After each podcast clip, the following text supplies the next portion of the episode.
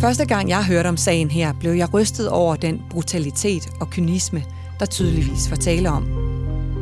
De tre unge mænd havde ligget i deres senge og sovet. Den ene havde hovedpuden mellem sit hoved og sin arm, og han lå på maven. Måske knapt vågnet, før livet var taget fra ham. Som kriminalreporter i over 17 år har jeg set og oplevet det meste, men nogle sager gør bare mere indtryk end andre. Og at tre unge mænd ligger døde på madrasser i en lille etværelseslejlighed på Frederiksberg, det er voldsomt.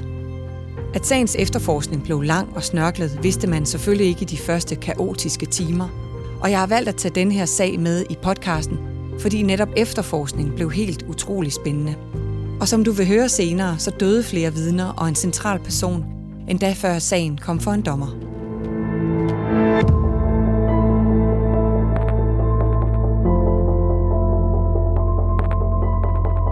Navn er Stine Bolter.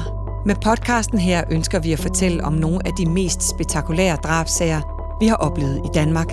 I hver sag går vi helt tæt på efterforskningsarbejdet, retsmedicinernes hverdag, rettergang og domfældelse.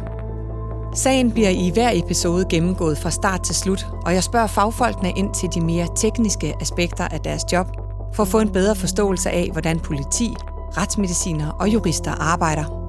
Til at fortælle om sagen i denne episode har jeg talt med tidligere drabschef Jens Møller Jensen, som var leder af afdeling for personfarlig kriminalitet, og anklageren i sagen, Jakob Bug Jebsen. De to kender detaljerne ind og ud, fordi de selv stod med den komplicerede efterforskning og senere rettergang i sagen. Med i dagens episode har jeg også virkelighedens CSI, professor i retsmedicin Hans Peter Hågen og kriminaltekniker Bent Hytholm Jensen, som gør os klogere på skudlesioner og sporsikring. Velkommen til podcasten Danske Drabsager, fortalt af de fagfolk, der har været helt tæt på.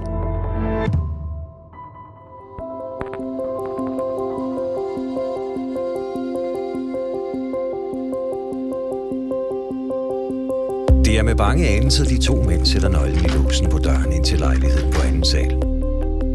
Udenfor er det bidende koldt for de håndværkere, som arbejder på stilladset på den røde murstensbygning. Kalenderbladet viser 11. november 2015, og der har lige været vist en genudsendelse i tv. Hvem vil være millionær? Da døren går op, er blodet noget af det første, de ser.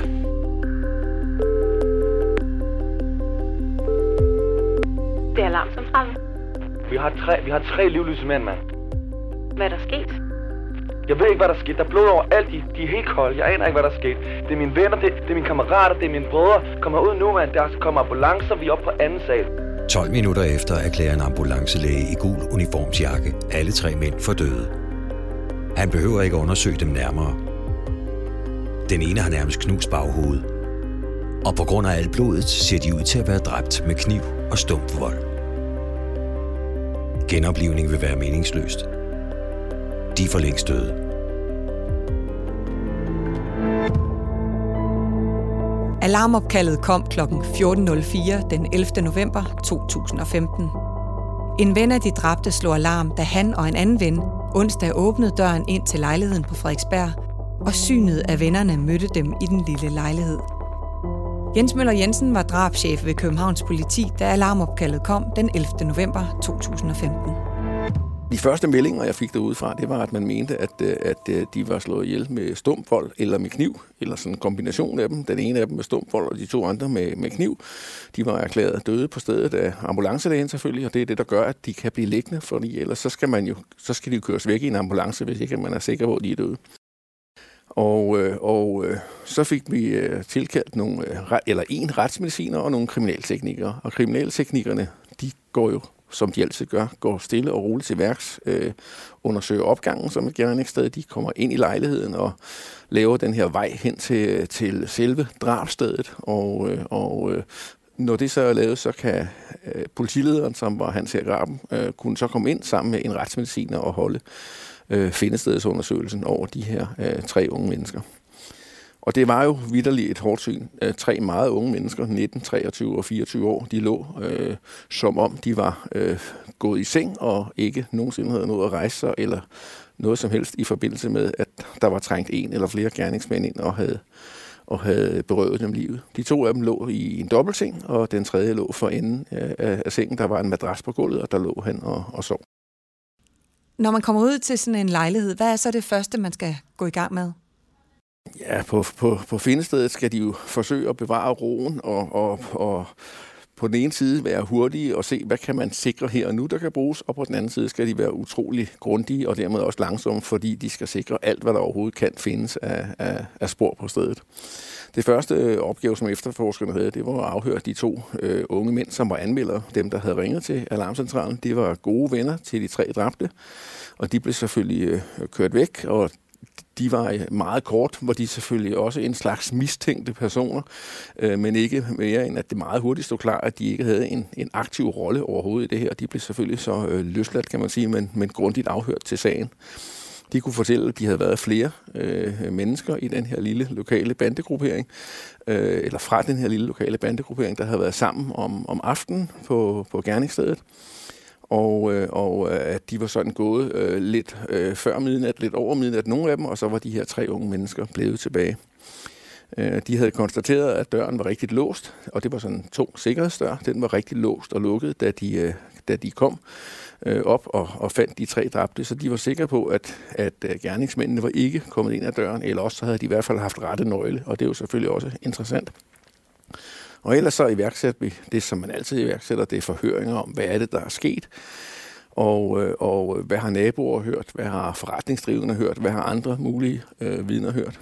Og øh, det, som man fandt frem til, det var, at der var, der var flere beboere ude i området, der havde hørt noget skyderi. Desværre lidt i, i to tidsklumper. Der var nogen, der mente, de havde hørt noget skyderi lige umiddelbart efter midnat, og så var der nogle andre, der havde hørt noget skyderi omkring kl. 03.40 cirka om, øh, om natten. Og så er det jo en opgave også i den kommende tid at finde ud af, er det det ene skyderi eller det andet skyderi, der har været de dræbende, øh, eller er der tale om skyderi osv. Den senere efterforskning viste, at det var skyderiet omkring kl. 03.40, der var gerningstidspunktet, og det første mulige skyderi, det har enten været noget skyderi eller noget fyrkeri. Det blev aldrig fuldstændig klarlagt, hvad der var tale om. Men kl. 03.40, der var så også nogle af de mennesker, man traf øh, ved forhøringen, der, havde været, der blev vidner i sagen, vigtige vidner, som havde set, at der på et stillads, der stod op af bygningen, at der var to mennesker, som var på vej ned af det. Øh, det var to mennesker, som var enten maskeret eller havde huer på, og, øh, og som de kunne give sådan et halvdårligt signalement på. Og de var kravlet ned af stilladset, og så var de gået hen til en bil, og den bil var de kørt væk i. Og det vil sige, at vi havde en formodning om, at der var to, muligvis tre gerningsmænd. Der kan jo godt have været en chauffør nede i bilen. Det kunne man ikke øh, sige noget om ud fra, ud fra de forklaringer, vi fik. Så det var ligesom de taktiske oplysninger, som vi kalder det, som vi fik på, på øh, selve dagen ved at lave de forhøringerne, og så de indledende undersøgelser, der viste som sagt, at det ikke var øh, kniv og slagvåben, men at det var øh, skuddrab, som, som der var tale om. Det er klart, det går man selvfølgelig i, i medierne med og efterlyser vidner og, og så videre, og så må man jo arbejde øh, frem efter og bygge på. Hvornår blev der så øh, anholdt nogle mennesker? Ja, altså allerede på, øh, på den første nat, øh, hvor efterforskningen blev gennemført, eller i løbet af aftentimerne, der fik man en, en mistanke til en, en ung mand, han var en lille smule interessant i efterforskningen i starten, og netop fordi, at han blev anholdt, og man fandt ud af, at det var en skudsag, så gjorde man faktisk det på, øh, på øh, den første døgn der, at man øh, dubtestede ham, som det hedder, når man, øh, når man tester dem for, om der kan være krudtpartikler på. Og det var faktisk noget, der blev, blev lidt spændende senere i sagen, at der rent faktisk blev fundet krudtpartikler på ham. Det vidste man selvfølgelig ikke øh, noget som helst om øh, i det første øh, døgn. Og, og øh, han var han var anholdt i nogle timer og blev så senere løsladt, da man ikke sådan øh, kunne, kunne øh, fastslå hans øh, nøjagtige rolle på det tidspunkt.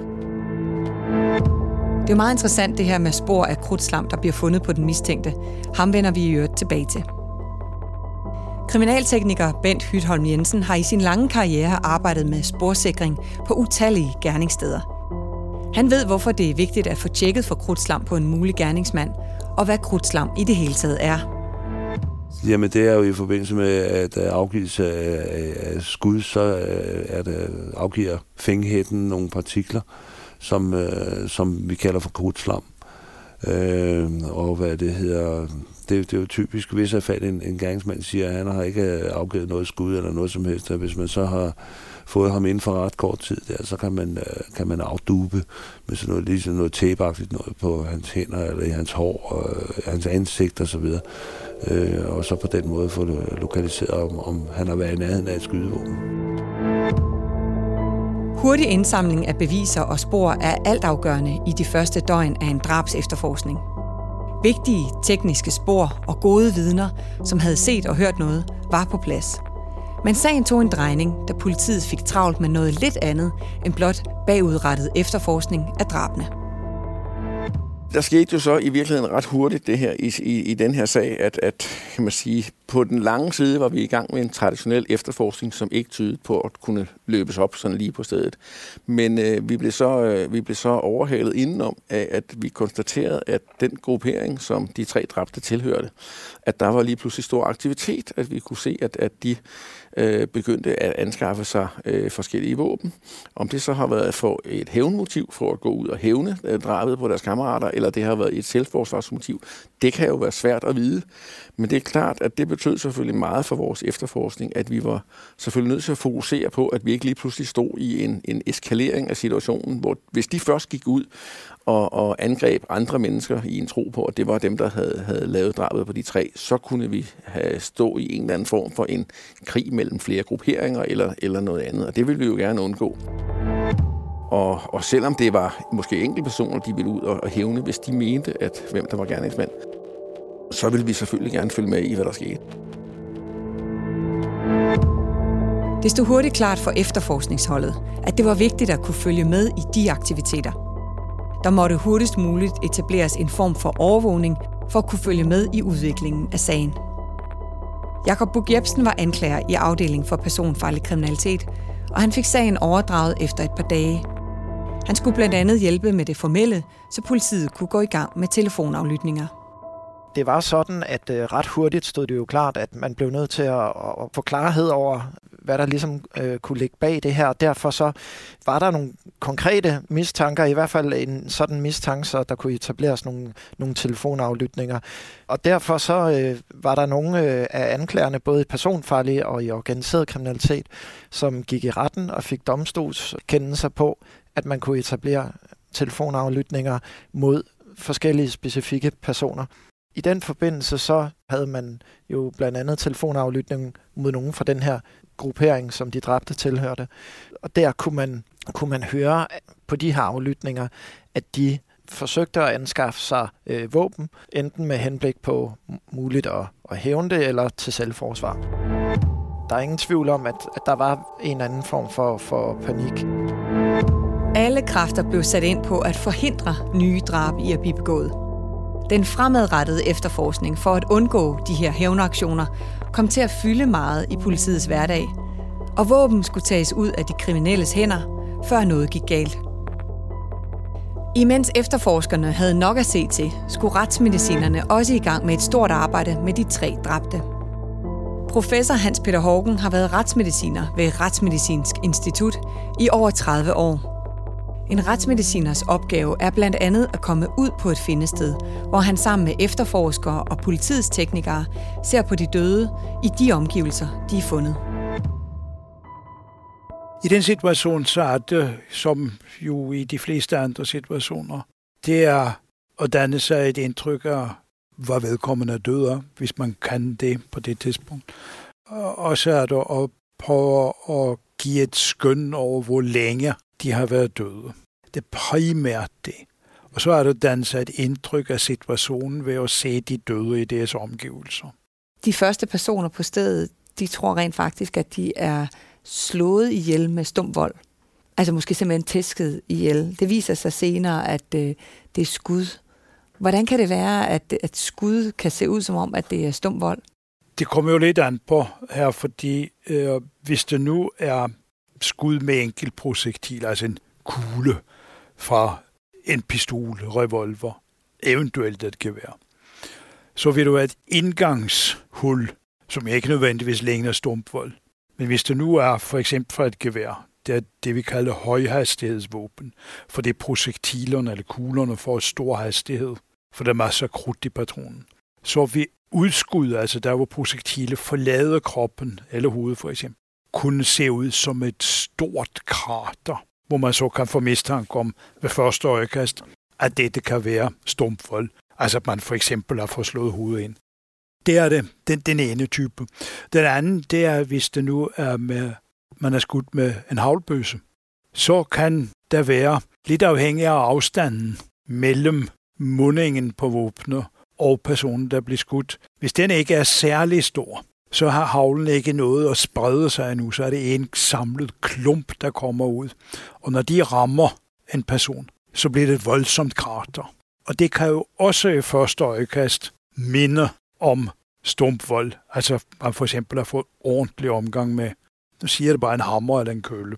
Man siger jo, at, at drabsoffre eller døde kan fortælle en historie. Hvordan kan en død fortælle noget som helst? Vi kan uh, se på, hvad det er for nogle lesoner. Det kan jo fortælle noget om, for eksempel hvis du nu er skud, som du drejede sig om i denne sag, så kan vi, kan vi se nu på afstanden mellem, eller så afstanden, øh, der er blevet fyret af på. For det, et, det vi, kan, vi har noget, der hedder berøringsskud, der hvor der er kontakt mellem mundingen på løbe på våbnet og huden på offer. Så har vi et nærskud, derop til halv meters penge godt og vel. Og så har vi et afstandsskud, som er ud over det. Og det vil sige ved at se, hvordan lesonen ser ud, og det er altså indskudsåbningen. Ikke udskud, men der var projektilet gå ind. Ved at se på det her, så fortæller den afdøde os, om han hun blev skudt med berøring, på nært hold, klodshold eller på afstand. Det er, det er en information, vi får. Det er, lige kan jo ikke sige, at jeg blev skudt på en halv meters afstand. Men ved at aflæse dette, så, så får vi den oplysning. Og hvis man er skudt i panden, jamen så fortæller det jo også, at man blev skudt forfra. I modsætning til, hvis man er skudt i baghovedet eller i ryggen. Så det er sådan nogle ting, vi kan få at vide. Øh, hvis man for eksempel øh, har nogen, lad os nu sige, at man har skudt med havlen, bøsse, så har man en del havl på, på forsiden af kroppen, og så er det ikke rigtig noget tværs over brystet, men det er på underarmen.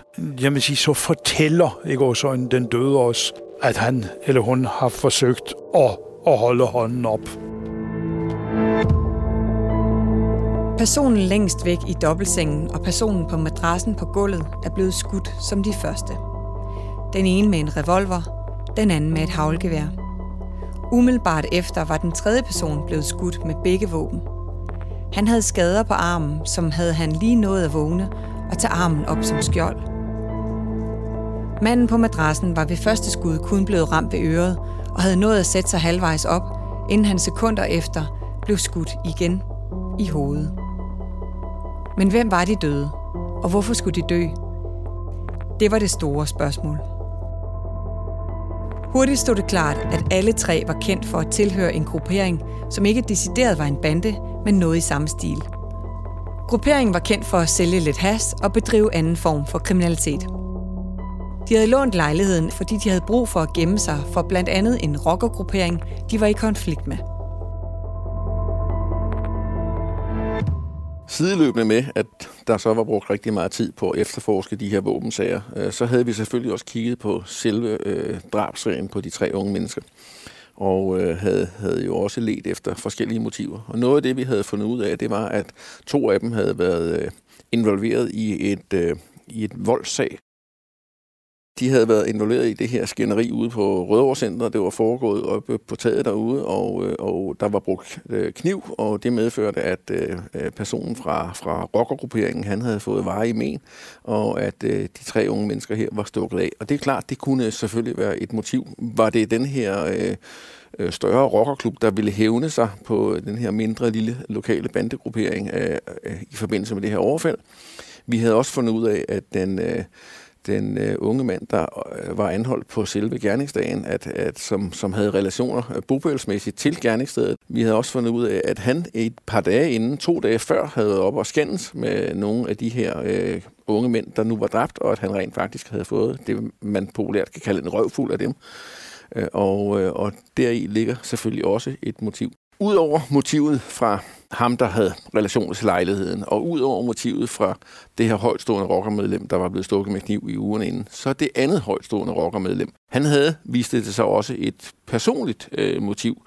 Øh, det var nemlig sådan så, at i nogle år forud for, for den her drabsag i 2012, der blev hans lillebror dræbt ved et knivoverfald af rent faktisk øh, den her medlemmer for den her gruppering, hvor de tre øh, dræbte, som, som, som de tilhørte.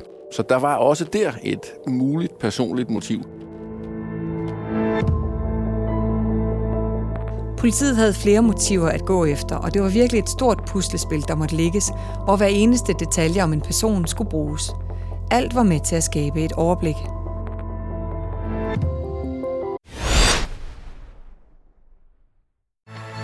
Hej Danmark, Patrik på Gekkas Øllered her. Hvornår har du planlagt din næste tur til Skandinaviens største varehus? På Gekås i Ullared kan du shoppe og overnatte til fantastisk lave priser.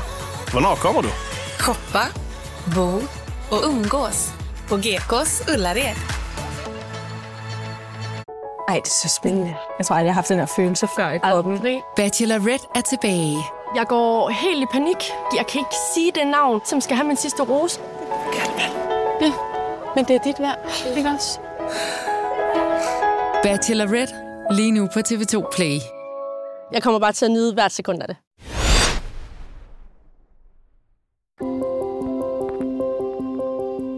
Han tager sin telefon op igen.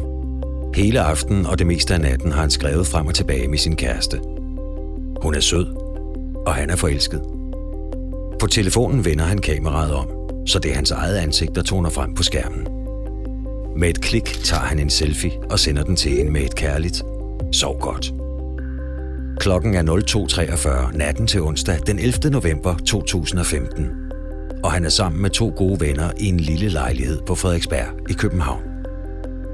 I dobbeltsengen snupper han pladsen længst ind mod væggen. Den ene kammerat falder i søvn til højre for ham, og ved fodenden ligger den anden kammerat på en madras på gulvet. Vejrtrækningen bliver hurtigt tung, som et sikkert tegn på, at de sover. Blot en time efter er de alle tre dræbt. Efter lang tids efterforskning blev der den 11. januar og i dagene herefter anholdt i alt 16 personer i alderen 16 til 25 år. De blev alle sigtet, og senere blev de fleste dømt for at have købt i alt fire forskellige skydevåben, som de ville bruge til at forsvare sig selv og hævne de tre drab. Det var tre skarplatte pistoler og en skarplat riffel. Samlagt fik de 33 år og 7 måneders fængsel. Kort tid efter skete der noget afgørende i trippeldrabsagen. Alle de her våbensager kørte vi jo som sagt aktion på i, øh, i øh, midten af januar, men i lidt senere i januar, øh, der skete så også et, et meget, meget vigtigt skridt i sagen, fordi der var lige pludselig en mand, der kontaktede politiet, som, som havde nogle særdeles vigtige oplysninger. Det skete efter, at vi sammen med kriminalteknikerne havde fastlagt, hvilken type våben, eller med stor sandsynlighed havde fastlagt, hvilken type våben det var, der var øh, anvendt til drabet, udover at det var et, øh, et, et havlgevær, altså et såkaldt jagtgevær, man bruger til fuglejagt med mange små havl i, så var det en, en revolver, og en, en lidt speciel type revolver, der ikke var så, så normal i Danmark, og der havde vi prøvet at, at afbilde de to forskellige modeller. Øh, det kunne være, dem havde vi været i medierne med, og, og de var selvfølgelig blevet bragt i, i alle øh, formiddagsaviserne, plus også i øh, nationale øh, tv-nyhedsmedier øh, havde sendt det om aftenen, og det gjorde jo, at vi fik forskellige henvendelser, men vi fik så en helt konkret henvendelse fra, fra den her mand, som mente, at han havde været til stede i øh, en kolonihave i yderkanten af København, da det her våben muligvis var blevet overleveret til, øh, til enten øh, gerningsmanden eller gerningsmandsgrupperingen. Den her mand han afgav en meget lang og detaljeret forklaring, og øh, der gjorde vi jo så det i samarbejde med øh, juristerne, at, at vi fik øh, gennemført øh, det, der hedder en indrestlig afhøring. Jakob Bug Jebsen var som sagt anklager på sagen og sikrede, at den indretlige afhøring blev gennemført. Det siger måske sig selv i navnet, at den foregår inden selve retssagen, men hvad betyder det egentlig konkret? Indretlig øh, forklaring, det er noget, som øh, man ikke bruger så tit, men det kan være et rigtig vigtigt øh, redskab, fordi det er noget, som... Øh, altså, vi har nogle regler i Danmark om, at, at øh, bevisførelsen skal være umiddelbar. Det vil sige, at øh, vidner skal komme ind under en hovedforhandling i en straffesag og afgive forklaring. Og det, det, det er det, som retten skal forholde sig til. Men i særlige sager, det kan være, hvis et vidne øh, måske er dødeligt syg, eller et vidne er truet, eller at der på grund af kriminalitetens alvorlige karakter er en mulighed for, at, at vidnet senere hen vil ændre forklaring, ja, så når der er nogle betingelser øh, opfyldt i retsplejeloven, så er der mulighed for at gå ind i de her helt alvorlige sager og få, øh, få vidnet til at afgive en indretlig forklaring, der altså ligger forud for, at straffesagen sidenhen skal køre. Han kom ind og afgav en forklaring, og, og den forklaring var for lukkede døre, men den har senere hen været fremme for åbne døre, og, og det han jo forklarede, det var, at han havde været til stede i et kolonihavehus i yderkanten af København den 10. november, altså, hvad skal vi sige, døgnet før de her drab skete, og her havde han altså været til stede, da, da, da han ligesom øh, dels hørte noget, nogle andre tale om, om hvorvidt man kunne fremskaffe en, øh, et, et givet våben. Det, det overvejede han øh, de indledende snakke omkring det. Han observerede også, at, at øh, flere personer på stedet kørte ud til et sted, kom tilbage igen, og hermed bragte en revolver, Øh, øh, som var ret specielt. Det var en kaliber 38 Smith Wesson øh, revolver øh, med tilhørende ammunition. Og øh, han var jo også til stede, øh, da revolveren så blev overdraget til den eller de, som skulle købe øh, den her øh, revolver.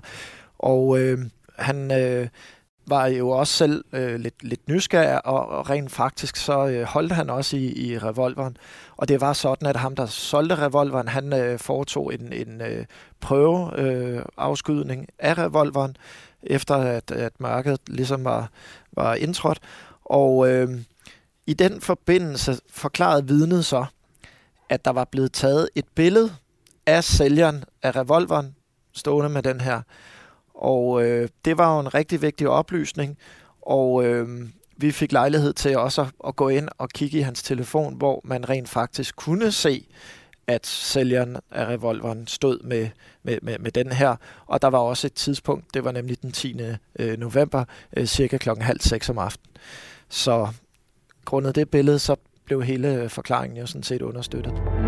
Og i og med, at kriminalteknikerne på gerningsstedet havde konstateret, at det øh, drab, drabene blandt andet var sket ved anvendelse af den her øh, lidt sjældne type øh, revolver, øh, så var det jo øh, særdeles øh, interessant øh, med de her øh, oplysninger det er jo klart, at vores efterforskning øh, skal jo så videre øh, ud fra det punkt, at der kommer en mand. Og selvfølgelig er han en form for, for, for mistænkt. Er han nu ude på at hvidvaske sin egen del, og, og, eller er han reelt gerningsmand osv.? Det er klart, det er man selvfølgelig nødt til at, at få, få efterprøvet. Men øh, hans forklaring virkede nu meget troværdig, og det var også det billede, vi kom frem til. Der, der kom jo så til at forestå en lang, lang øh, sikring af indiser eller småbeviser på, hvordan var, var den her revolver så, hvordan var dens færden så videre i, øh, i systemet. Og det, det er jo noget, man bygger op selvfølgelig på blandt andet telehistorik, den person, der solgte øh, revolver, hvem var det, han var blevet kontaktet af, øh, og hvem øh, var så i den ende, og hvem agerede de på vegne af, og, og så videre. Og den, der, så laver man hele tiden en kæde for at følge og, og kan se en masse øh, kontakter i, i de her personkredse. Og sammenholdt med, hvad vi har af, af en hel masse andre øh, oplysninger. Det kan være oplysninger fra, fra, fra miljøerne eller, eller andre ting, der gør, at vi kan, kan begynde at så interessere os for nogle øh, specifikke personer. Vidnes forklaring var afgørende for sagen og gav efterforskerne et kæmpe gennembrud. De stærke indicier, der nu kunne holdes op mod kriminalteknikernes fund på gerningsstedet, gjorde, at de nu kunne koble revolveren til gerningen. Det viste sig faktisk at være rigtig vigtigt, at vidnet havde afgivet den her forklaring inden retssagen. For imens efterforskningen stadigvæk var i gang, der afgik vidnet ved døden. Når vi hører det, så, øh, så bliver man som efterforskningsleder en lille smule paranoid og tænker øh, måske lidt øh, tv-serier og fjernsyn, og hvorfor dør han nu? Er det nu øh, fordi, at nogen har, har ville hævne sig på ham eller andet? Ikke sådan at forstå, at der var noget, der så ud som om det var drab, men, men man hører og ser meget, ikke? og kunne der være nogen, der havde hjulpet ham på vej og overdosis og alt muligt andet. Og det gjorde, at, øh, at, at øh, den politikreds, der behandlede den døde sag, dem øh, kontaktede jeg og fik fat i efterforskningslederen og sikrede mig, at, at der virkelig blev lavet alle de undersøgelser, der skulle øh, laves. Øh, også at det var måske ikke en helt almindelig dødfunden, men at det skulle betragtes som en mulig mistænkelig død. Og jeg kan sige, at der blev selvfølgelig lavet alle de undersøgelser, der skal, og der ikke, var ikke tale om nogen som helst øh, øh, former for, for medvirken at, til, at, at, at han var afgået ved døden. Han var desværre stille og roligt selv afgået ved, ved døden. Selvom vidnet havde afgivet en forklaring, der kunne lede efterforskerne på sporet af en mulig gerningsmand, var der stadig behov for faste beviser i sagen. Kriminalteknikernes minutiøse arbejde på gerningsstedet bar ikke rigtig frugt. Der var som støvsuget for spor af gerningsmændene.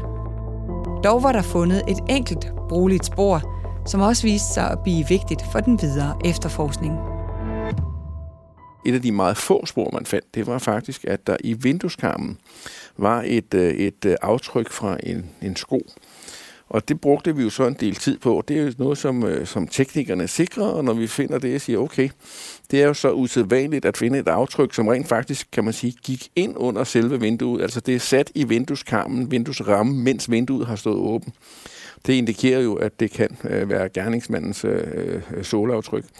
Og, øh, og ud fra de undersøgelser, man så laver, fandt man ud af, hvad det var for en sko. Det var en sko af mærket Fred Perry.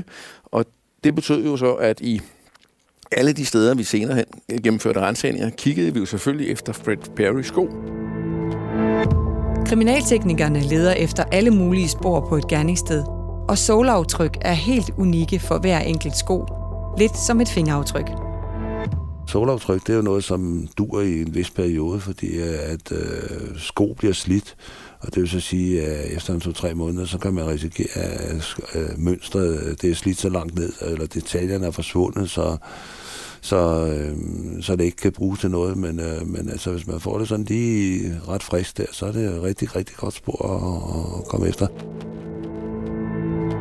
Et lille halvt år efter likvideringen af de tre unge mænd, var politiets efterforskere, takket være teleoplysninger, vidneudsagn og tekniske beviser, så langt at de i april 2016 kunne gennemføre to store anholdelsesaktioner. I København og rundt om på Sjælland blev der anholdt en række personer, og seks af de anholdte blev sigtet for drab eller medvirken til drab. To andre alene for anskaffelse og salg af våben. Den ene af de anholdte var ham, der var blevet dubtestet for krudtslam allerede den første dag. Og hjemme hos en anden af de anholdte blev der fundet og sikret en Fred Perry-sko i størrelse 43. Men var det bevis nok på, at det var den rigtige sko? Det var ikke et bevis, at den havde afsat det her aftryk, men den havde en, en vægtning til, at det godt kunne være den sko. Der var ikke noget, der talte imod, at det var, var den. Og det er jo selvfølgelig vigtigt, og det er jo også sådan, at et, et såleaftryk og et sko matche mellem dem ændrer sig jo løbende, fordi det er jo et øjebliksbillede af, hvordan ser skoen ud nedeunder i det øjeblik, den afsætter øh, det her aftryk i vindueskarmen. Og det er altså skader fra at have gået på skarpe kantsten, eller hvad der kan sidde øh, sten i klemme i mønstre, eller der kan være almindelig slitage og alt muligt andet. Og skoen har jo selvfølgelig været brugt i, i mellemtiden, og, og, og der taler vi jo så, at øh, drabet var sket midt i november, og anholdelsesaktionen sker i april, så det er jo øh, 4-5 måneder senere. Og der har den selvfølgelig ændret sig en lille smule, men ikke mere end at teknikerne kunne sige og afgive en erklæring på, at det godt kunne være den sko, der har afsat det her aftryk. Og det er jo selvfølgelig vigtigt i, i sagen. I forbindelse med anholdelsesaktionerne i april, så fandt efterforskerne også noget rigtig spændende. Prøv at lytte med her. Det er det rene øblær. Hvis I vil noget, nakker vi jer.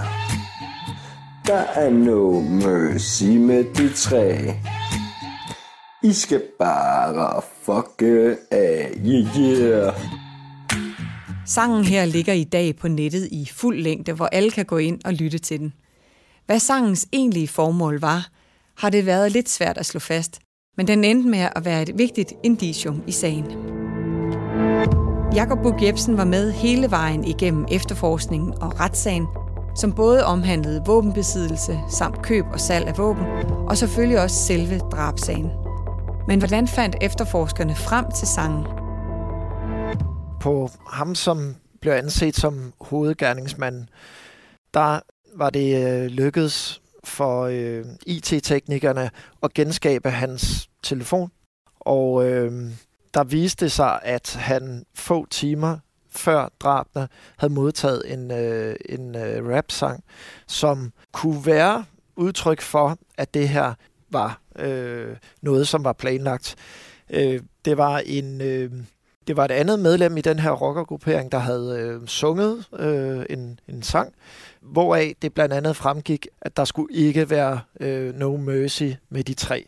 Og øh, den her øh, hovedgerningsmand blev også omtalt som en hård negl i den her sang. Og et eller andet sted synes vi jo, at det var et meget godt indicie, når man så omtaler noget omkring øh, nogen, der skal skydes, og at der øh, vises no mercy med de tre.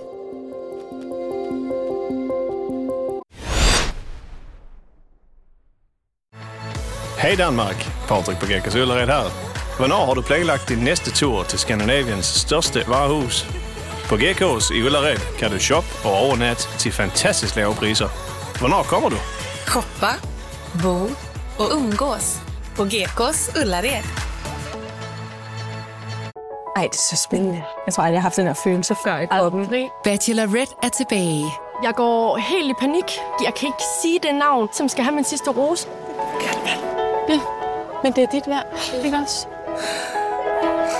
Bachelorette lige nu på TV2 Play. Jeg kommer bare til at nyde hvert sekund af det.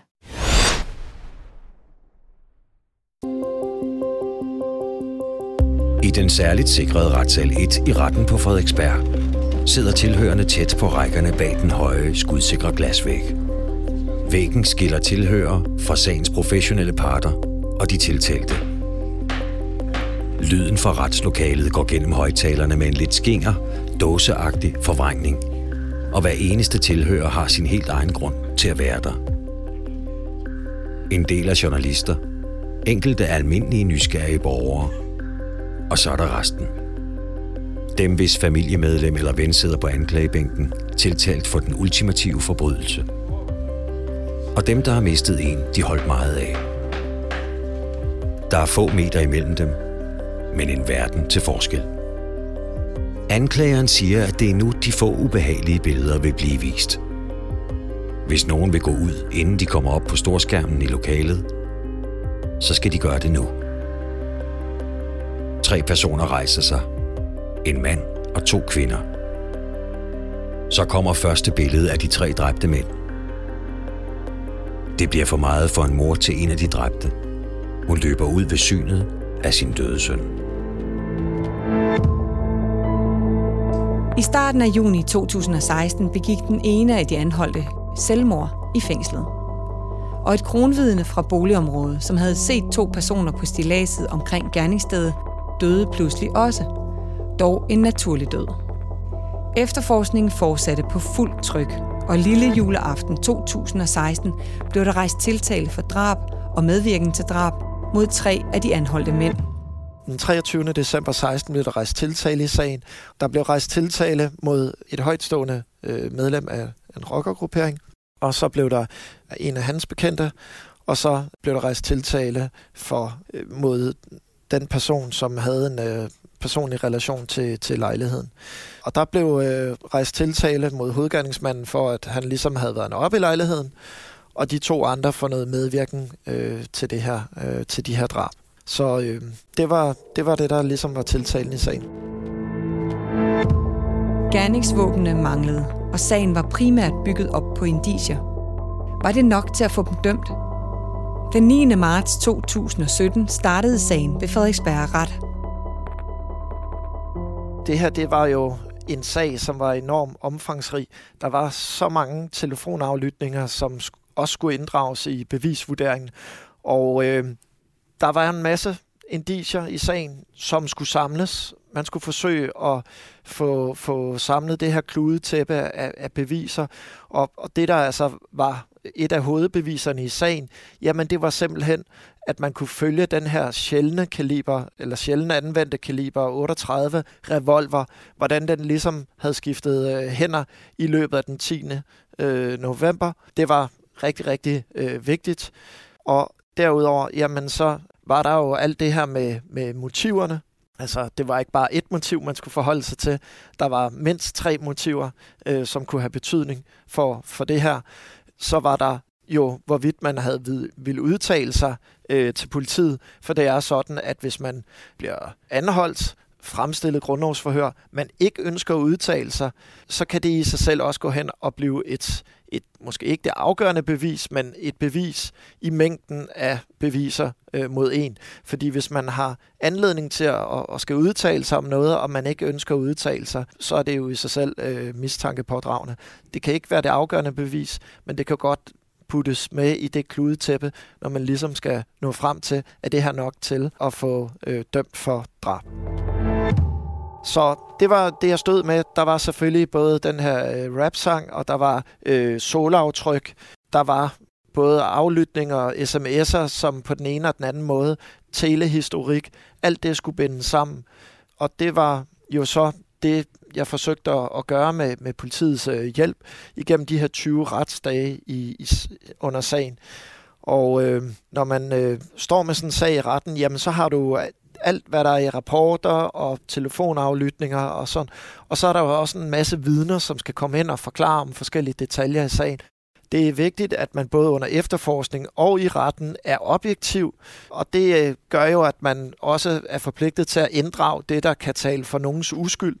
Når man afhører enten de tiltalte eller vidner, jamen så kan man godt, øh, selvom man er objektiv, så kan man godt tillade sig at gå let øh, til en tiltalt eller et vidne, hvis der er nogen, der, der siger noget, som simpelthen ikke kan stemme. Så det handler simpelthen om at være rigtig godt forberedt, øh, når man skal foretage de her afhøringer.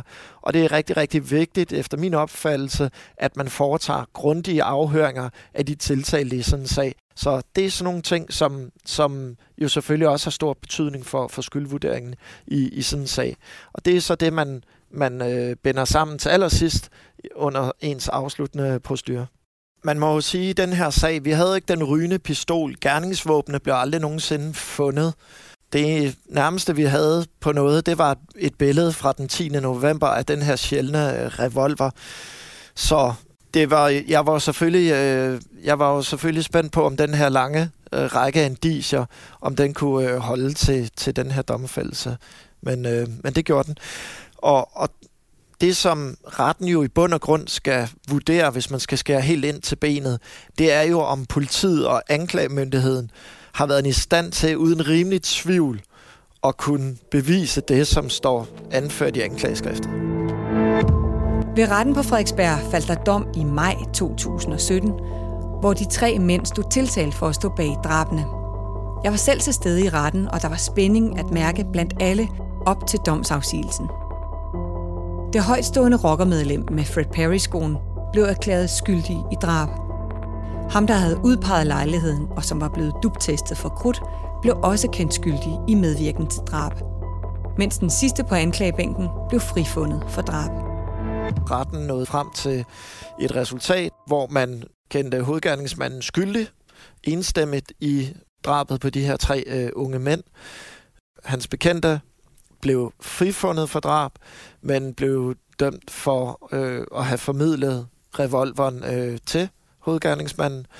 Og så endelig øh, den person, som havde en personlig relation til, til lejligheden og, og til den lokale bandegruppering, øh, han blev dømt for, for medvirken til drab ved simpelthen at have udpeget lejligheden, hvor de tre unge mænd øh, opholdt sig øh, for den her øh, rockergruppering. Og det kørte som nævningesag, og derfor så bliver afgørelsen ikke øh, truffet på en og samme gang.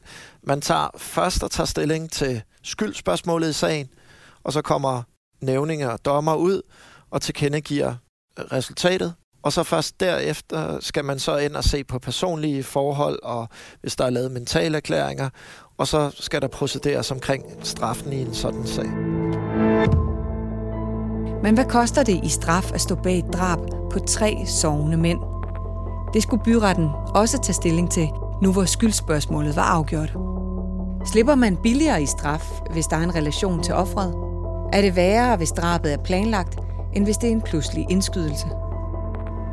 Hvad skal man have i straf for at have slået tre personer ihjel? Vores strafferamme går op til livstid i Danmark.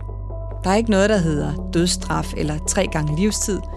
Det er livstid, der er vores strengeste straf. Det argumenterede Jakob Bug Jebsen også for, at hovedgerningsmændene skulle have. Altså, når man er kendt skyldig og har begået tre drab, så er, er det sådan set lige meget efter min opfattelse, hvad man eventuelt måtte have begået tidligere, eller om der er andre omstændigheder, så mener jeg ikke, der kan være nogen som helst tvivl om, at så er det livstid. Så derfor så var den procedure ekstremt kort. Jeg sagde nogle ganske få ord, maksimalt et minut eller to, at det skulle være fængsel indtil på livstid, og det øh, nåede retten så også frem til.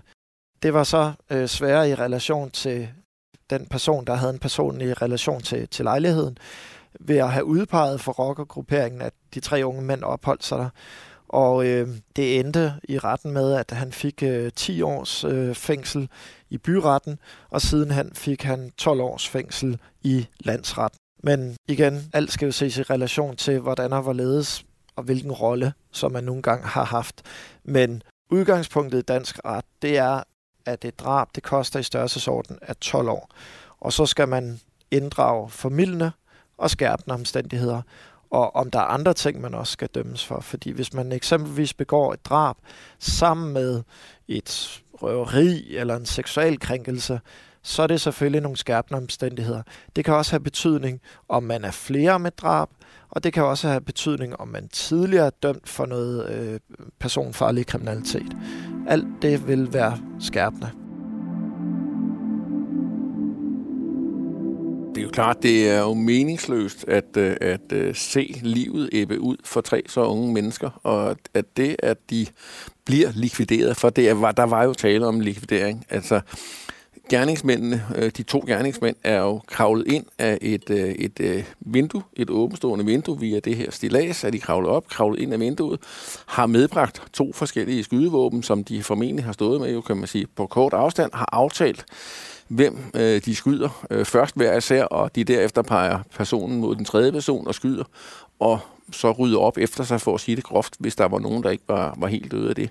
Det er jo så groft, som det overhovedet kan være. Der har ikke været tale om diskussion. Man har ikke vil konfrontere dem med spørgsmål. Man har ikke vil stille dem til regnskab. De har ikke haft mulighed for verbalt at forsvare sig eller gøre noget som helst andet. De er blevet myrdet med fuldstændig øh, overlagt handling og koldt blod. Og det er selvfølgelig en voldsom handling.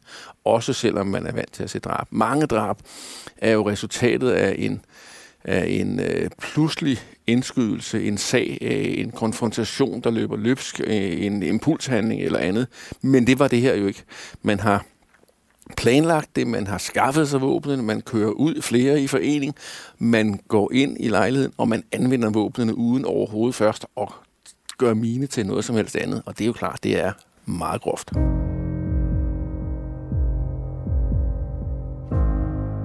Der er ingen vinder i denne sag. Tre familier har mistet en ung mand på tasken til livet. Andre familier har mistet en kær, fordi han nu skal i fængsel og afzone en lang straf.